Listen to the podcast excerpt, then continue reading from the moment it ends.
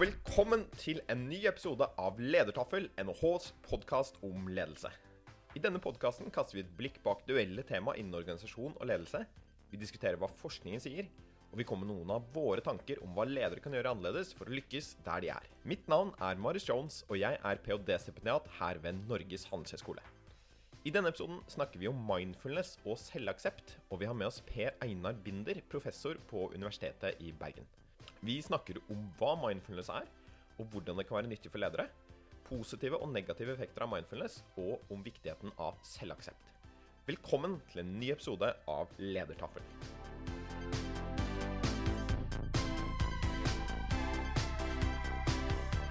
Vi skal snakke om ledere i næringslivet kan ha nytte av mindfulness.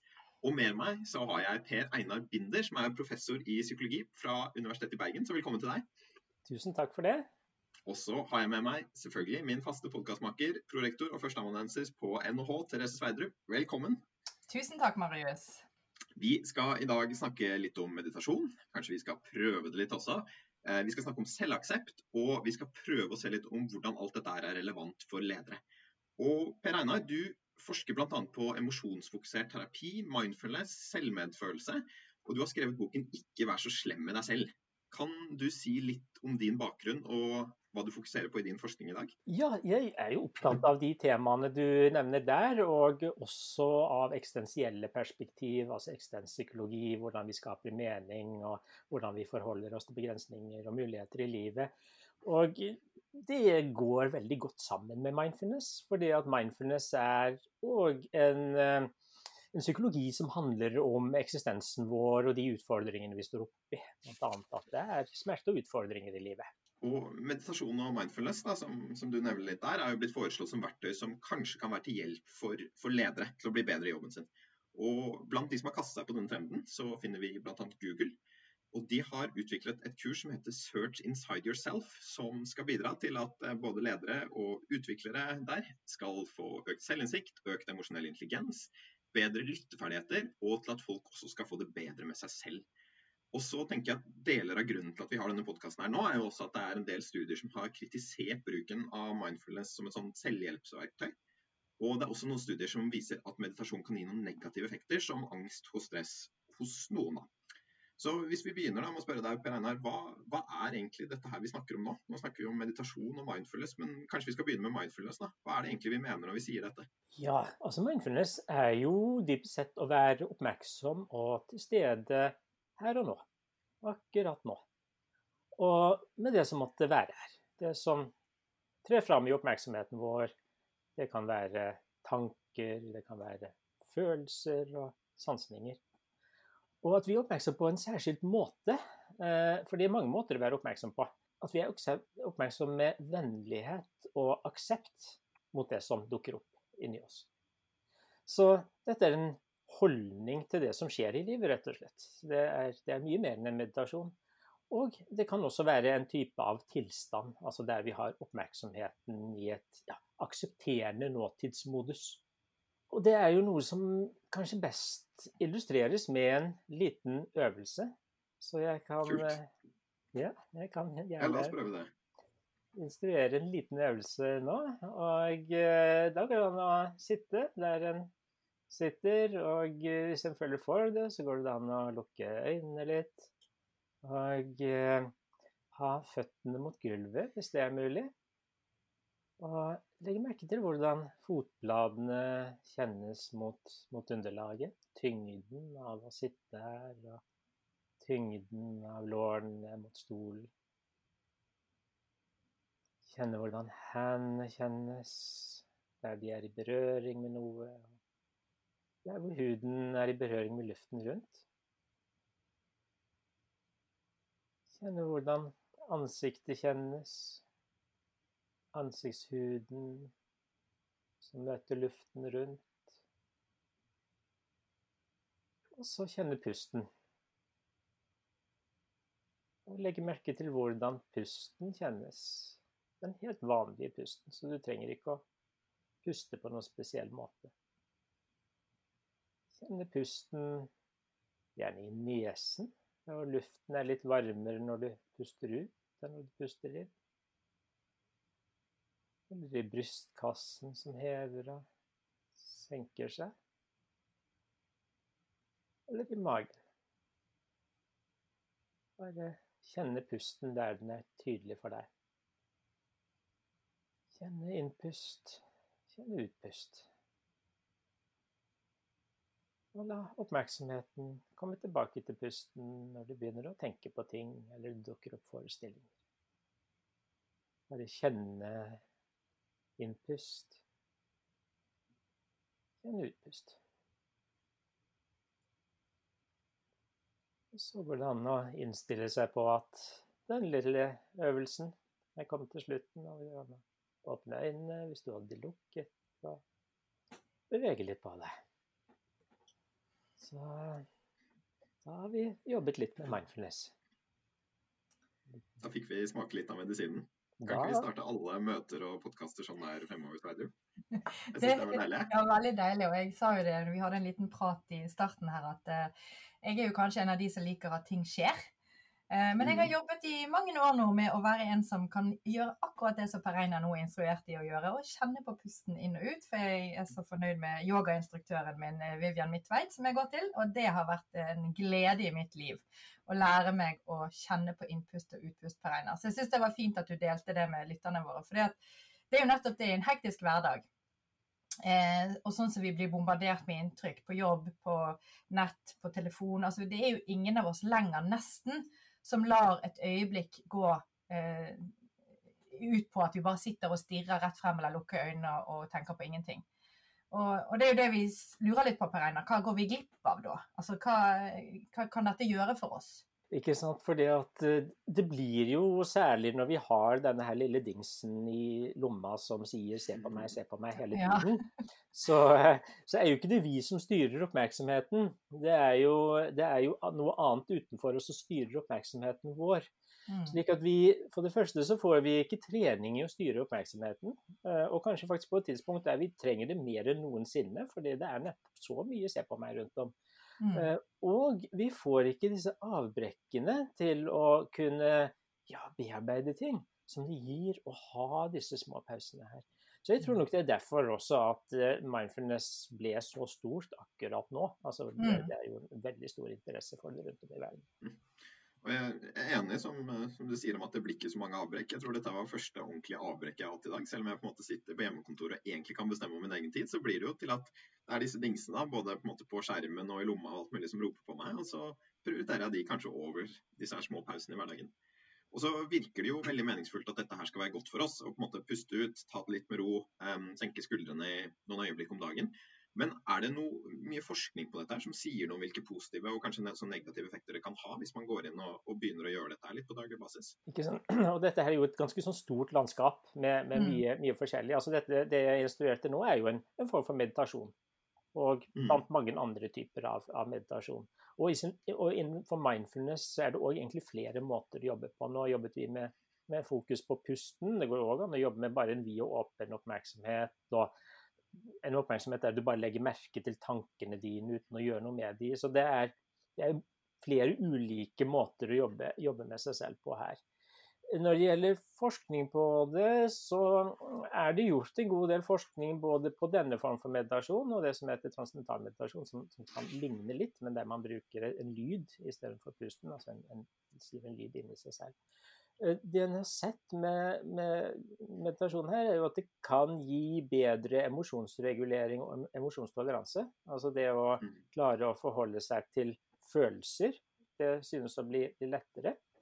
Eh, og eh, en har òg en del funn som kan tyde på at mennesker opplever mer positive emosjoner og, og litt mindre negative emosjoner når de jobber med dette her. Litt mindre stress det har vist seg virksomt uh, mot angstplager. Ikke sant? Jeg jobber jo innenfor det kliniske feltet, så der ser vi at uh, det kan være til god hjelp for en god del mennesker med angst. Det har vist seg også veldig nyttig for mennesker med tilbakevendende depresjon. Altså at dette er en måte å jobbe med seg selv på som kan hindre tilbakefall for depresjon. Og vi kan nevne smerteplager, røyking og avhengigheter for de som fortsatt måtte ty til røyking. Så, så viser dette være en effektiv måte å, å kunne jobbe med det på. Men det er klart at det, det, her er jo det mye å diskutere.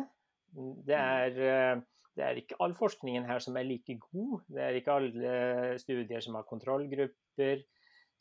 og det er jo òg folk som kanskje er over gjennomsnittet begeistret for mindfulness, som har forsket på det òg. Så det er jo et landskap der man skal gå, gå varsomt og kritisk fram. Hmm. Ja, for dette var jo litt sånn eh, eh, Marius og jeg vi er jo hele tiden på jakt etter spennende episoder rundt eh, podkasten vår. Og egentlig det som førte oss inn eh, tilbake til deg, Per Einar Jeg har jo hatt det som gjesteforeleser på NHH eh, for våre studenter. Det har vært veldig fint. Men Marius og jeg kom over nettopp en artikkel der det sto at meditasjon kan gi negative effekter. Altså Plutselig ble de i eh, om det var i VG eller jeg tør ikke si hvor akkurat det sto. Og så sa jeg til Marius at det hadde vært spennende å få inn Per Einar til å snakke om forskningen der. Og hvorfor ser vi nå plutselig sånn, så du sier mange har vært veldig positive, og så kommer det litt disse kritiske. Oi, nå blir det for mye av det gode. Altså, kan, vi, kan vi si noe om eh, ja, disse negative effektene? Hvorfor kommer dette akkurat nå? Har du noen tanker om det? Det, det kan jeg. Og, og det er, altså nå er jo jeg også innen psykoterapiforskningsfeltet. Og, og før dette kom opp, så kom det opp at uh, negative effekter av psykoterapi er undervurdert. Ja, så, så, da måtte vi begynne å forholde oss til det. Og da måtte vi begynne å forholde oss til viktig å fange opp tidlig de som mm. opplever forverring i psykoterapi, og uh, fange opp de som kan ha negativt utbytte ut av det. Og så kommer det plutselig på mindfulness også, og det gjør jo at jeg kanskje ikke var fullt så overrasket. Eh, som jeg ellers ville vært. Så da tenker jeg at eh, det som virker, det synes også å kunne ha noen bivirkninger her. Og, så, og, det som en ser her, og dette klart, det må vi ta veldig alvorlig. For det har vært litt hallelujastemning rundt mindfulness, og folk har sagt det at det å følge oppmerksomhet pusten, det kan jo umulig være farlig, liksom. Eh, og det er klart at det er det jo ikke i seg selv.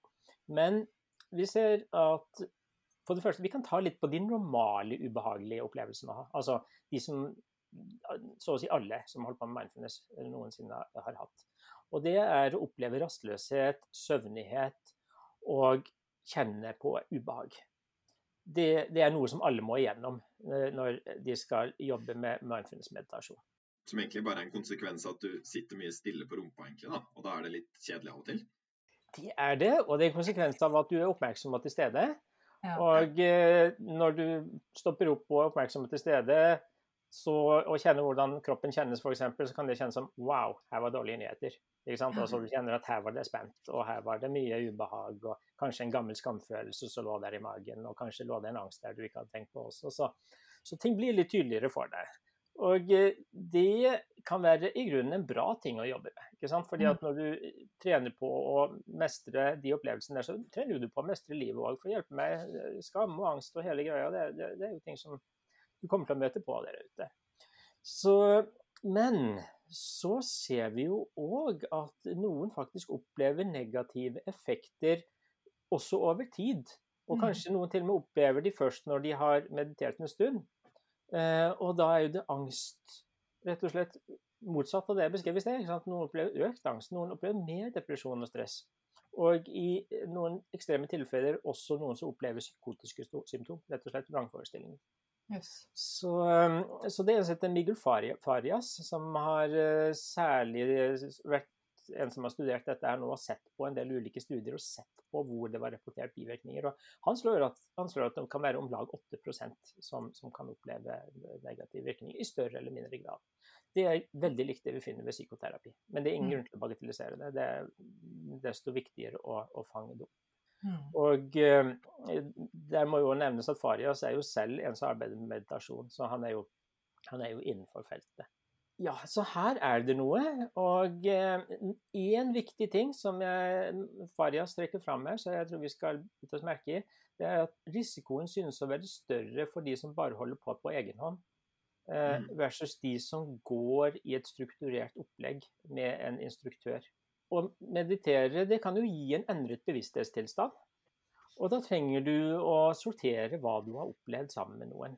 Og du trenger å få hjelp til å håndtere utfordringer som dukker opp eh, mm. i prosessen her. Mm. Så det som jeg da særlig blir eh, litt opptatt av nå, er jo alle disse meditasjonsappene og sånt som ja. mange nå bruker som en første introduksjon til, til, til mindfulness. Må tro om det egentlig er så bra.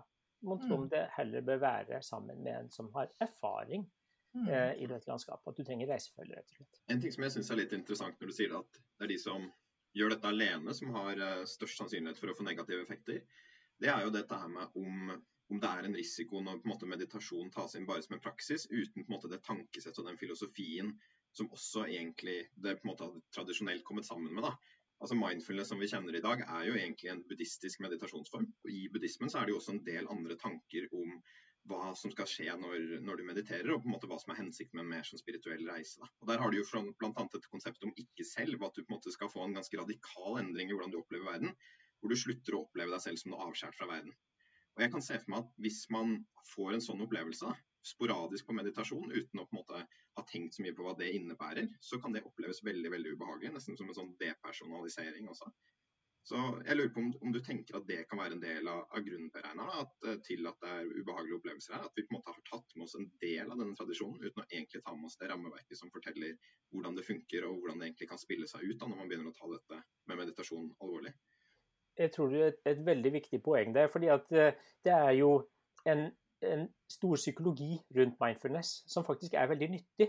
Altså Det som mm. jeg ser, for jeg, holder, har jo holdt mindfulness-based stress reduction-kurs og mindfulness-based cognitive therapy-kurs, og det ser jo det er jo en del som ikke mediterer så veldig mye, og de som går på kursene. Altså de, de liker ikke å innrømme det, men, men vi ser jo at det er del som, som da gjerne ikke gjør disse, uh, disse, øvelsene så veldig mye, men som likevel har utbytte fordi at det er en mindfulness-psykologi der. Og mindfulness-psykologien den handler jo i utgangspunktet om at det er lidelse i livet. Det er jo det den buddhistiske læren dreier seg om. At det er lidelse i livet, og at dette er en måte å forholde seg til lidelse og ubehag på som gjør at du ikke blir fanget av det.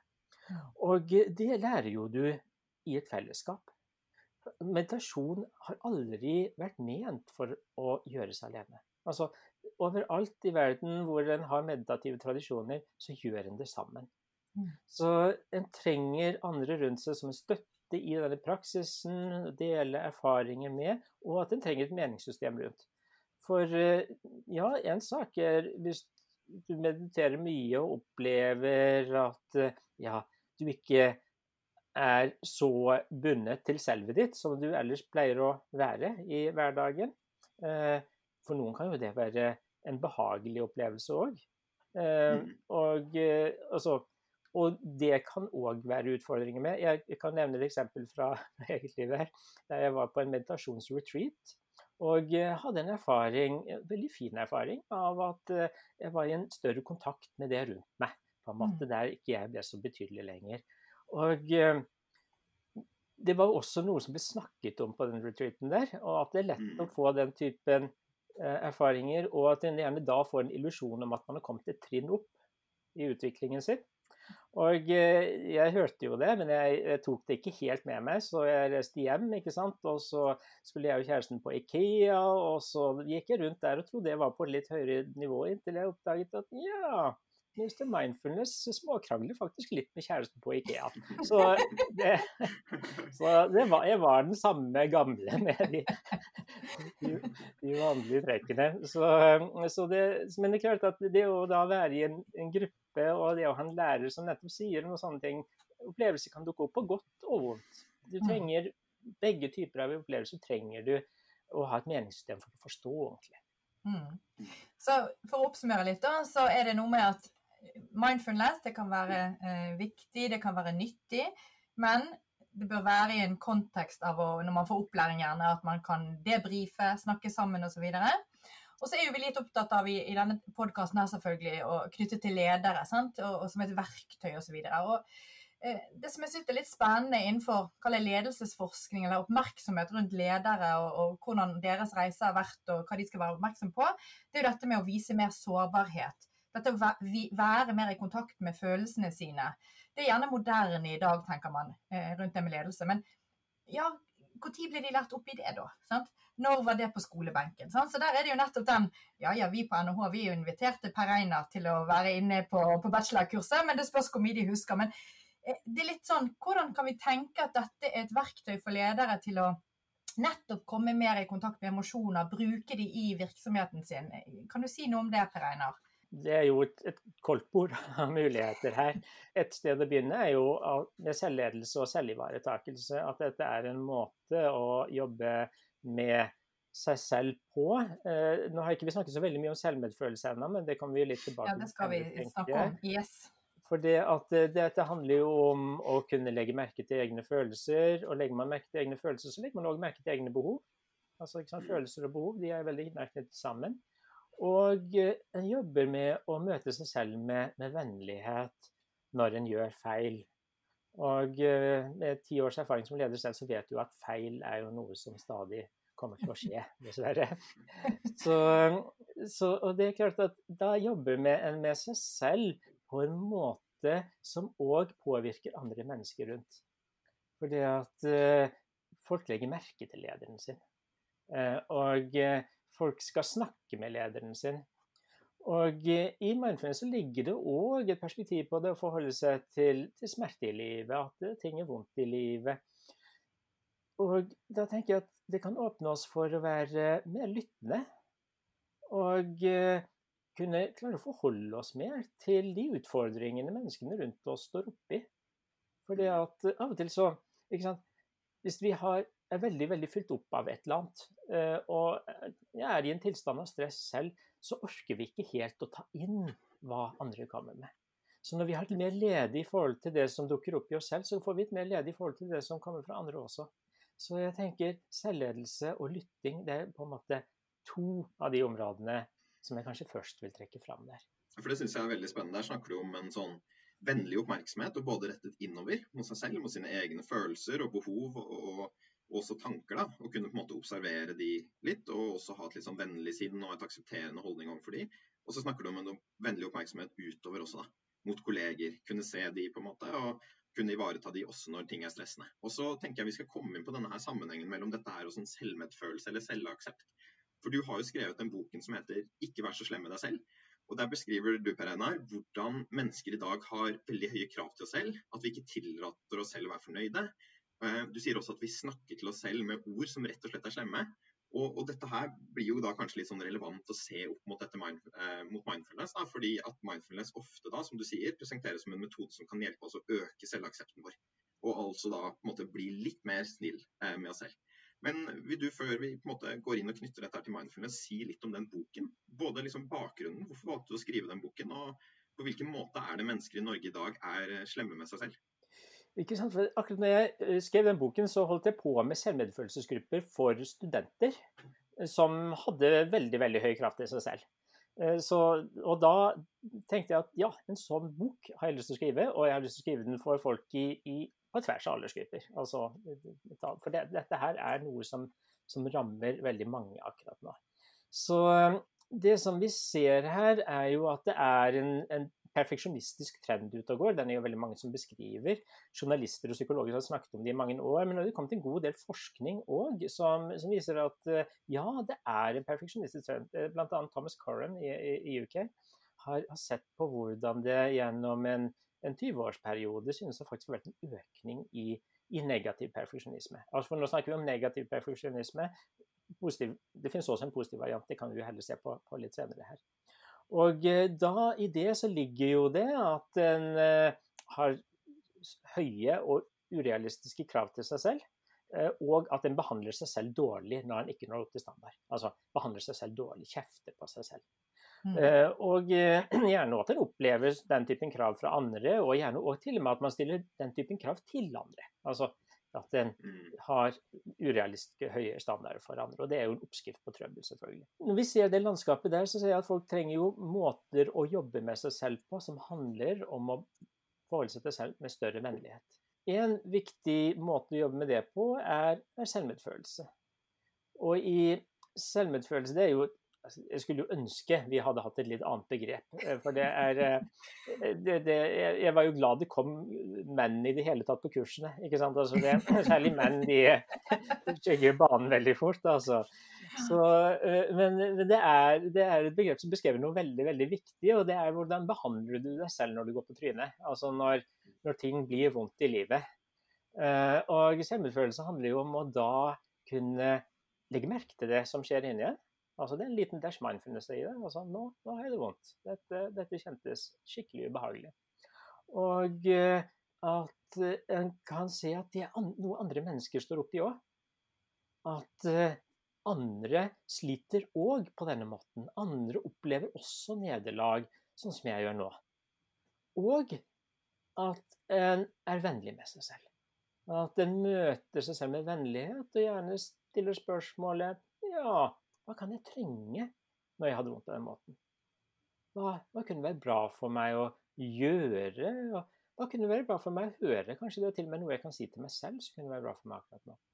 Så det perspektivet der er noe som jeg ønsket å kunne bringe videre, og da sammen med ja, Særlig når vi står oppi i denne perfeksjonisme-epidemien. Det er jo psykiske epidemien. Ja, ja for det, så du sier du har jo hatt, begynte med du hadde studenter inne og, og hadde kurs osv. Hva, hva er disse slemme tankene eller eh, tingene vi sier til oss selv, da, bare for å få kontrasten inn? For du har sikkert snakket med disse? Det har jeg, og eh, da er jo det vi ser der, er jo at det er en negativ indre kritiker. Altså for å si altså en destruktiv indre kritiker. Mm. Indre kritiker, det skal vi ha. Altså, ja. Forlat aldri hjemmet uten. ikke sant? Du trenger å gi deg selv tilbakemeldinger på, på, ting du burde gjøre annerledes. Men uh, den destruktive indre kritikeren har to spesialfelt. Det er angst, og det er skam. Mm. Slik at uh, Da sier du sånne type ting til deg selv som at dette kan gå veldig, veldig galt. Og hvis jeg ikke får dette til, så blir det fullstendig katastrofe. Mm. Og det kommer til å gå Altså, ikke sant. Du gir deg selv trusler. Og det kan være på mange felt òg. Hvis, hvis, jeg begynner å vise følelser her, sant, så, så vil jeg ikke kunne klare å altså, Begynner jeg å gråte, så kommer jeg ikke til å kunne klare å, å sitte her mer. Og får jeg angst, så kommer jeg til å frike helt ut. ikke sant. Så det er den ene varianten, og så har den skaminduserende indre kritikeren på den andre. Og den er litt sånn at uh, nå har du tabbet deg ut. Ja. Og du er gjerne også den eneste som har det på den måten der. Og liksom dypest nede der så er det noe med at du kommer til å bli ekskludert. Du kommer, du kommer å, de kommer ikke til å ville ha noe med deg å gjøre, noe, og ingen, ingen kan elske deg. Altså, mm. Det er jo det vi ser ofte helt i bunnen uh, av dette her.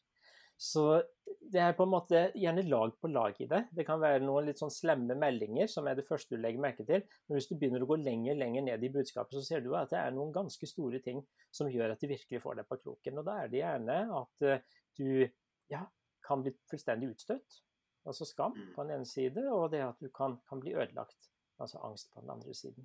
Mm. Så, så det er, og det er klart at det er jo to ur på en måte følelser vi mennesker har, det er jo advarselsfølelsene våre. Det å falle utenfor fellesskapet er jo det, er jo det verste som kan skje mennesker. Altså, mm.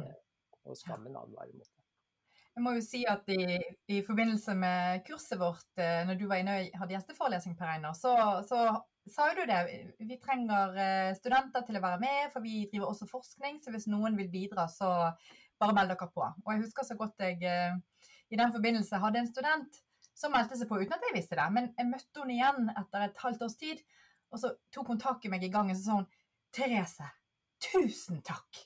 Er du klar over at jeg har fått et helt annet liv etter at jeg fikk vite om det kurset, jeg var der. Og nå snakker jeg til meg sjøl på en helt annen måte. For jeg, hadde, jeg, var full av de der Å, vet du hva, jeg er så mye dårligere enn alle de andre her på NHH. For de er så mye flinkere enn meg, og jeg burde egentlig ikke vært her. Og jeg som er litt eldre enn de andre, jeg burde i hvert fall være den som var flink. Men det er jeg jo ikke. For de kommer rett fra skolen, mens, ja, og så videre og så videre. Og hun hadde da vært igjennom det kurset. Og, og, hadde rett og slett fått en oppvåkning. Så det var utrolig gøy å få den tilbakemeldingen. Så det er kjekt. Um, så jeg bare, jeg bare kom på den historien, så jeg hadde bare lyst til å fortelle det til Reinar, hvor mye det har hjulpet. Ja, det er veldig, veldig gøy å høre. Ja. Så... Vil du si litt Per, per Einar, om hvor langt fremme sånne ting er i bevisstheten for de det gjelder? For jeg ser jo for meg at uh, når, man, når, vi nå snakker om måte, det å si slemme ting til seg selv, så har i hvert fall jeg eh, for egen del da, tenkt ganske lenge at det holder jeg ikke på med i det hele tatt. Og så er det liksom mer i senere tid, når jeg har begynt med litt mindfulness for eksempel, da, og vært litt mer bevisst på hva som foregår inni hodet mitt, at det egentlig har dukket fram. Så eh, hvordan kan man vite med seg selv om det er det her som foregår? Er det sånn at du på en måte hører en høy indre dialog inni hodet ditt som består av slemme ord?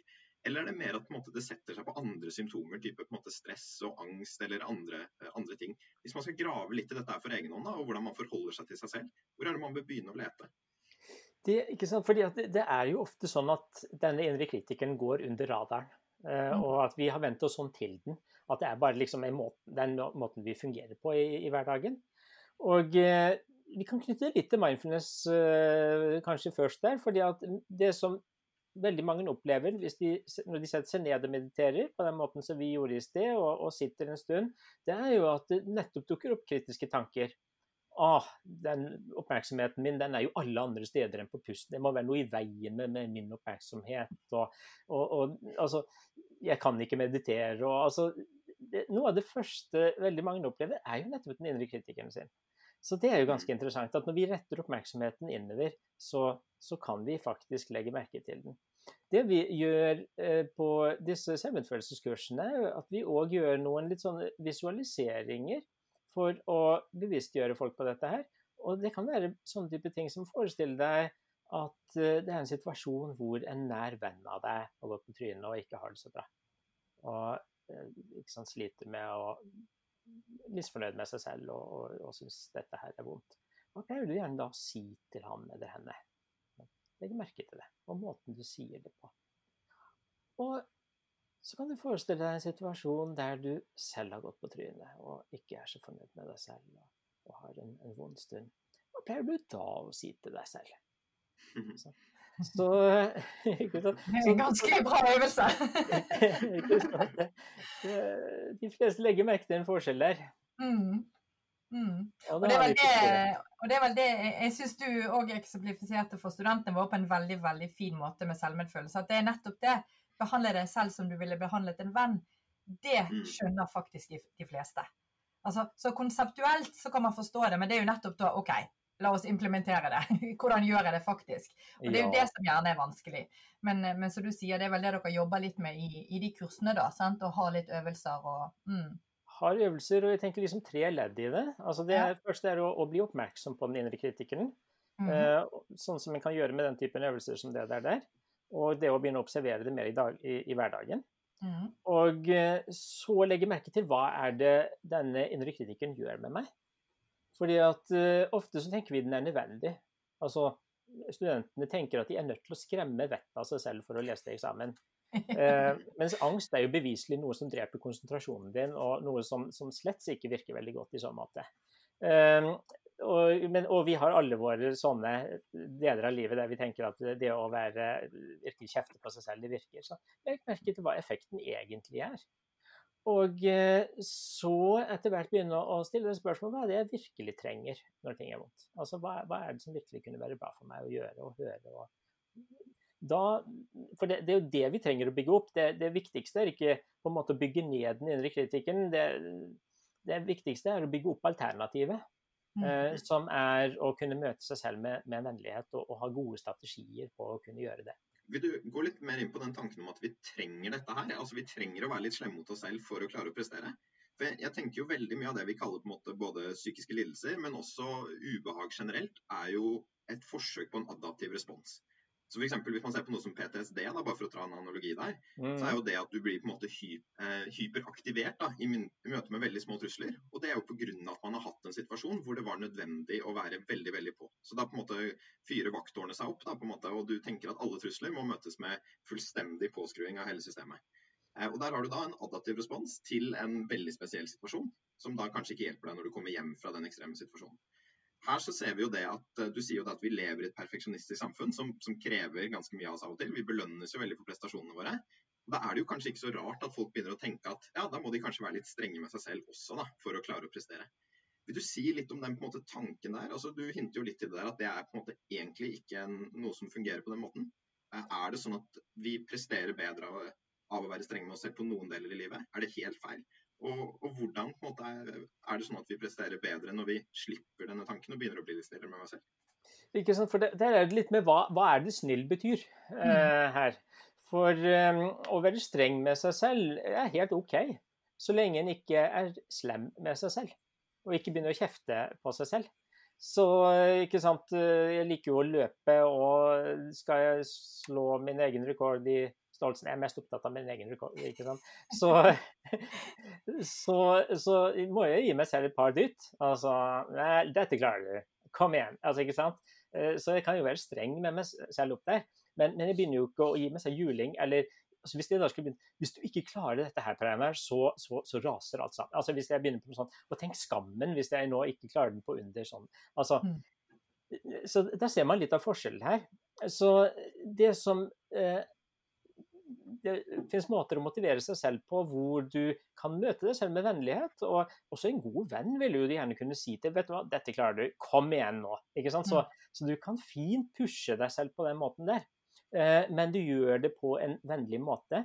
Og det som blir en viktig forskjell her på å gjøre det på denne måten, det er hvis du er over i den negative perfeksjonismen. altså ikke sant, Da kan det være karakterer eller CV-en din som skal se sånn og sånn ut. og der er det stort sett type ting som er veldig ytredefinert. Altså Det er mål som ikke egentlig du har laget, men som du bare har tatt inn fra omgivelsene. Fordi at det er det som gir status. Altså Det er ofte statusmål som ligger mm. der.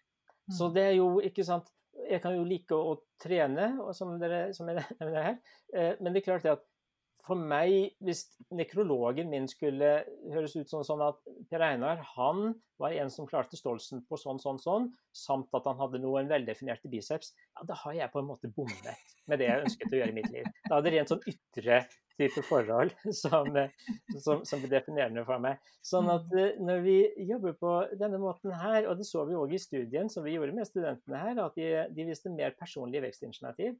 Um, og de hadde mindre angst og depresjon. Uh, altså uten at De var jo ikke derfor de kom, men, men like fullt så var de mindre, mindre engstelige og depra. bra. og når de jobbet på den måten her, at du får en mer fremoverlent motivasjon. Mm. Du, du, kan orientere deg ut fra verdiene dine mer enn å bare ta til deg sånne rent ytre mål her. Hva er det som virkelig er viktig i mitt liv? Altså, for det følger av denne vennlige holdningen til seg selv. Hva er det som mm. virkelig betyr noe for meg?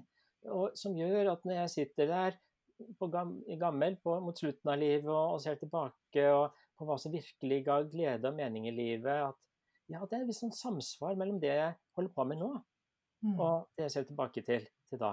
Det er, det er, derfor dette her er jo egentlig veldig mye større enn bare å, å møte seg selv med litt mer vennlighet det, det, det, er en litt annen orientering til livet som ligger i dette. Veldig interessant, syns jeg. Og, og, det er jo nærliggende å ta igjen litt eh, av studentene våre. Så eksempelet der, Dere har jo studenter på UiB òg, men jeg tror på NHH kanskje de er veldig opptatt av disse karakterene. Sant? Fordi at de blir drillet i at arbeidsgivere sier vi vil ha studenter med B i snitt eller bedre. Sant? Det er så lett å sette det målet sett utenifra.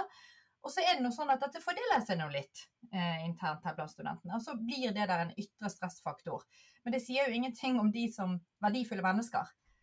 Uh, og det er jo det som jeg håper nå blir trenden fremover, at det er de verdifulle menneskene og de som evner å ta kall metaperspektivet på seg sjøl og det som skjer rundt en, som er kall vinnerne i samfunnet. Jeg liker egentlig ikke å bruke ordet vinnerne, men jeg tror vi må heie frem mer av det uh, sånn som samfunnet utvikler seg da. Ja, og jeg syns det er en viktig refleksjon. For dette handler jo mer enn hva vi som enkeltindivider kan sitte og jobbe med oss selv eh. På. Altså, her er jo det en, Vi trenger jo ta med dette til en visjon om hva som er bra for folk, og mm. bra for ja, utdanningsinstitusjonene våre og kulturen vi lever i. Så, så, mm. perspektivet her er jo videre. Jeg syns jo dette er veldig spennende når vi er en utdanningsinstitusjon. Da er den der refleksjoninteresse tror jeg er ganske viktig. For det er jo ikke sånn at dette starter på universiteter eller høyskoler heller. Altså jeg tenker jo Unge går gjennom både en ungdomsskole og en videregående skole hvor man blir vurdert. Og jeg tror jo at på et tidspunkt i livet så kan det godt være fint å finne fram sitt eget indre kompass og styre etter det. Men hvis du skal på en måte klare deg eh, her i Norge i dag, så er du jo faktisk nødt til å spille etter de reglene som skolen setter for deg. da og få ganske gode karakterer uansett om du syns det er kjedelig eller gøy på skolen eh, i ganske lange perioder av livet. Så jeg lurer på om, Tenker du at det er noen sammenheng der eh, Per Einar, mellom på en måte hvordan dette er lagt opp? Altså et karakterkjør som varer ganske lenge i livet for unge mennesker, og det at de er så slemme mot seg selv? Jeg tror jo det. Jeg tror ikke det er tilfeldig at denne negative perfeksjonismen kommer samtidig med at meritokratiet har utviklet seg mer og mer. ikke sant? For så sent som i 1980 så kunne jo folk kunne klare seg relativt bra eh, uten å ta høyere utdanning i det hele tatt. Så, så, det er jo flere og flere som må igjennom eh, høyere utdanning, og, og, det kan være veldig mye bra i det. Men samtidig så, så er det òg veldig mange som går rundt med en angst for å ikke nå opp og ikke klare seg. Mm. Eh, til dels veldig ubegrunnet når man ser på det. altså fordi at eh, Folk både på Universitetet i Bergen og på NHH får jo seg i høyeste grad jobb. Ja. Og, og, selv de som velger ganske spesielle studier på, på universitetet, får jo som faktisk jobb. Så, så, så folk klarer seg. Men, men, det er et angstnivå her om å mm. ikke, ikke nå, nå, nå. Og det, ja, jeg tror det er en, en, en, egentlig en veldig stor utfordring i samfunnet vårt akkurat nå. Og Da blir det jo nesten litt sånn interessant, og jeg tror ikke vi skal ta den debatten her, men det at man innfører nå fag i skolen som heter livsmestring. Jeg vet ikke om du mm. har noen eh, tanker om det, Per Einar? Jeg har en del tanker om det, og klart at jeg tenker jo at det, skolen bør jo først og fremst eh, gi barna trygghet og gode vilkår for læring som gjør at den psykiske helsen kommer med på den måten. Mm. Jeg er litt usikker på akkurat det å addere noe litt ekstra der. Og, eh, og, jeg er veldig usikker på å bruke mindfulness i mm. de sammenhengene, bare for å ha det, det sagt også. Mm. Vil du si hvorfor det? Jeg syns det var spennende. Så må vi over til ledelse etter hvert. Da. Men hvorfor er du skeptisk til bruk av mindfulness i skolen for å øke livsmestring? Det virker jo som det er det det skal hjelpe oss med ellers i tilværelsen. Du, blant annet pga. at vi ser at mindfulness ikke slår heldig ut for alle. Altså, det, det, tenker jeg er en viktig ting her. Og så er jo det noe som på en måte peker litt videre enn en bare med mindfulness, men dette perspektivet på at når du har masse faktorer i samfunnet og på skolen som, som skaper stress og uhelse, så gir du på en måte enkelteleven et ansvar om å rydde opp i det. på en måte. Mm. Så, så jeg tenker å ha mindfulness som et, en valgmulighet for, for, elever på en god del skoler kan være høyst relevant. Hvis, men da må du også ha en veldig erfaren instruktør, ikke sant, av de grunner som vi, jeg nevnte i sted. Uh, så, så, det er ikke det at jeg er imot mindfulness for barn eller et eller annet sånt. Og, jeg ser veldig mange, og yoga for barn kan være kjempeflott. ikke sant? Veldig mange kan ha veldig mye glede av det. Mm. Men uh, jeg tror ikke man er rustet for det heller. Og bare det, For det er jo faktisk litt relevant inn mot virksomheter også, tenker jeg. Det der poenget med at um, mindfulness kan hjelpe oss å håndtere stress, men det er ikke alle problemer som skal løses på individnivå. Og Det er jo noe mindfulness også har fått kritikk for, når det kanskje det har blitt kalt bl.a. Mac mindfulness, når det blir en, en sånn, litt sånn fast food-løsning på stressproblemet. Altså at virksomheter istedenfor å prøve å på en måte lage en hverdag for medarbeidere da, som er mulig å håndtere, og som kanskje ikke er så stressende, så sender man alle på et mindfulness-kurs isteden, og så lar man være å endre seg. Og Det tenker jeg er noe som kanskje kan være også et, et budskap til ledere. da, at hvis, hvis, man har en virksomhet der hvor medarbeidere sliter, så er kanskje ikke det å adressere det på individnivå gjennom å sende dem på mindfulness-kurs den beste løsningen på det. Da, da må det mer strukturelle grep ting. Da må det strukturelle grep. og Det var derfor jeg også var veldig beroliget når dere inviterte meg til å snakke om mindfulness og ledelse. for det at eh, det at ledere selv tar et aktivt valg om at dette har lyst til å jobbe med, det, det er jo noe, noe, veldig annet enn å si at liksom de som står nå og holder på å frike ut av stress eh, helt nede til organisasjonen må sette i gang. Liksom. Men du sa jo litt, Per Einar, at um, når man øker selvaksepten sin, så, så, blir man litt mindre slem mot seg selv, litt mindre kritisk mot seg selv. Og litt mer drevet av framoverlent motivasjon, altså at man på en måte stoler litt på det man selv vil. Hvordan tror du ledere blir annerledes eller hvordan tror du ledelse endrer seg hvis personene som utøver det, har enda mer selvaksept og er litt mindre slemme mot seg selv? Da tenker jeg at eh, du For det første så vil en selvaksepterende leder kunne se dypere inn i seg selv, altså det som er der. fordi når du aksepterer deg selv, så våger du òg å se deg selv i speilet. Altså du, du, du, du våger å møte det som er der. Og eh, da kan du også lettere se dypt inn i andre. Og eh, der tenker jeg at når du er en selvakt aksepterende leder, så har du ikke så mye behov for å fremheve deg selv så mye heller. Fordi at du, du tenker, altså? Skal du fremheve deg selv mye, så er det ofte kompenserende. At du kjenner på et underskudd, at du, du dypest sett faktisk ikke aksepterer deg selv særlig godt sånn som du er. Så, mm. og i det òg at du våger å vise mer raushet. Du våger å vise mer vennlighet til med medarbeidere og eh, mer medfølelse. Altså, det, og medfølelse her, det er jo selvfølgelig noe som må balanseres med, med fasthet når en, når en, eh, jobber som leder. Men det er klart at det ligger veldig mye medfølelse i å vise fasthet også. Altså, det er jo mm. ofte noe folk virkelig trenger på noe tidspunkt i, i mm. livet. Nei, og vi, vi, er jo, eh, altså både Marius og jeg forsker jo på et team. sant? Dette med samhandling mellom mennesker. Og, og et begrep og en egen postkast vi har hatt inne, er jo dette med psykologisk trygghet. sant? så sier han om at eh, selvaksept eh, individuelt er greit, men du skal også føle selv, eller aksept blant andre.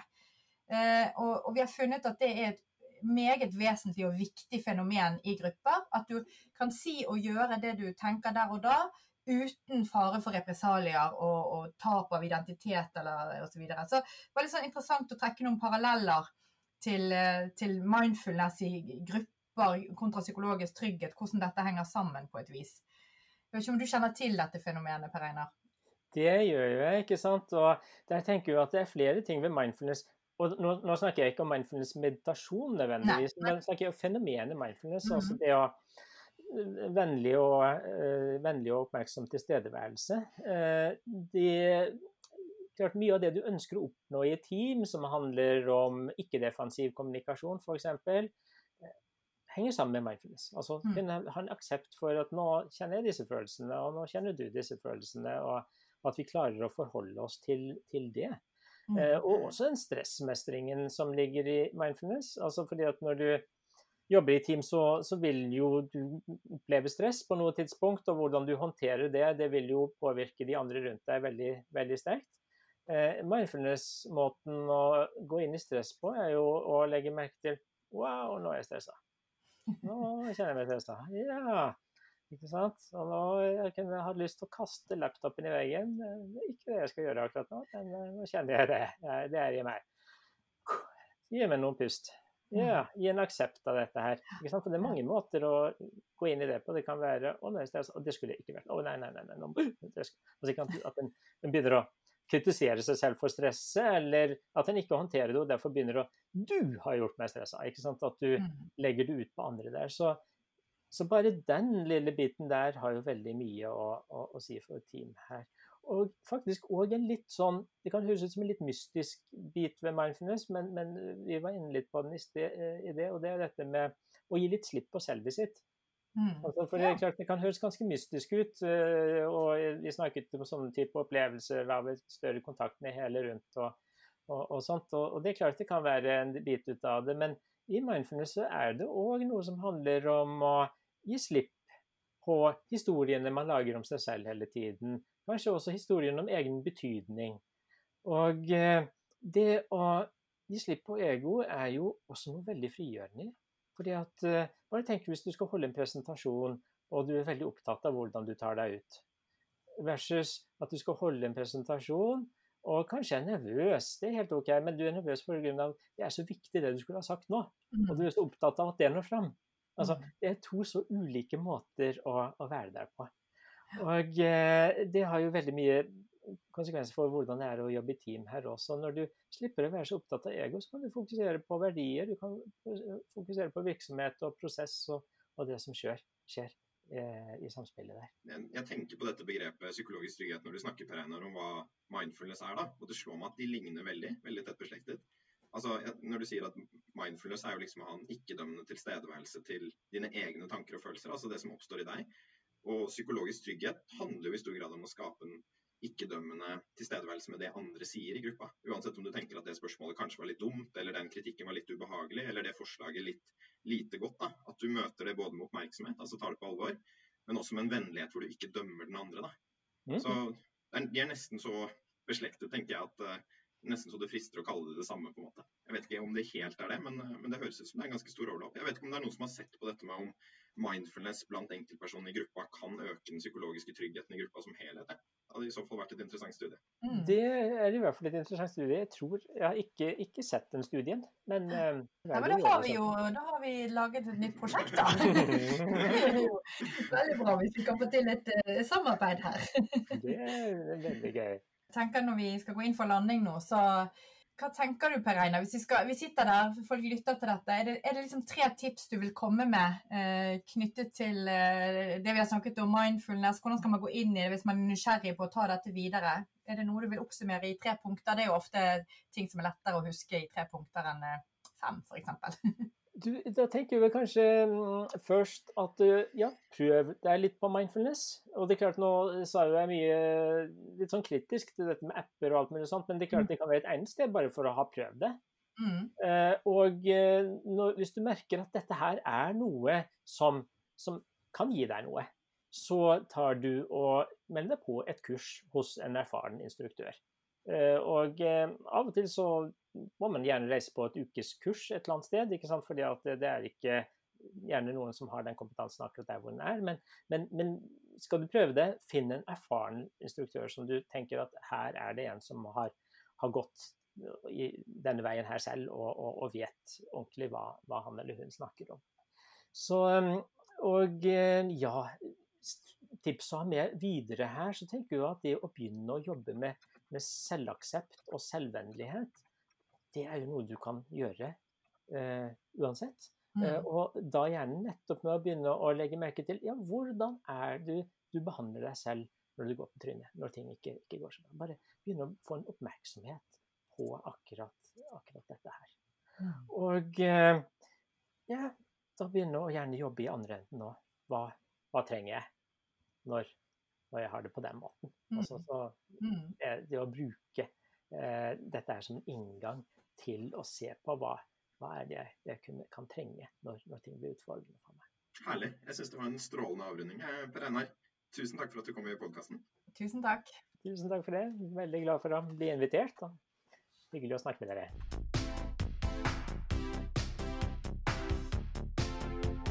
Du har nå hørt en episode av Ledertaffel, NHHs podkast om ledelse. I studio i dag var jeg, Marius Jones, sammen med Therese Sverdrup og Per Einar Binder.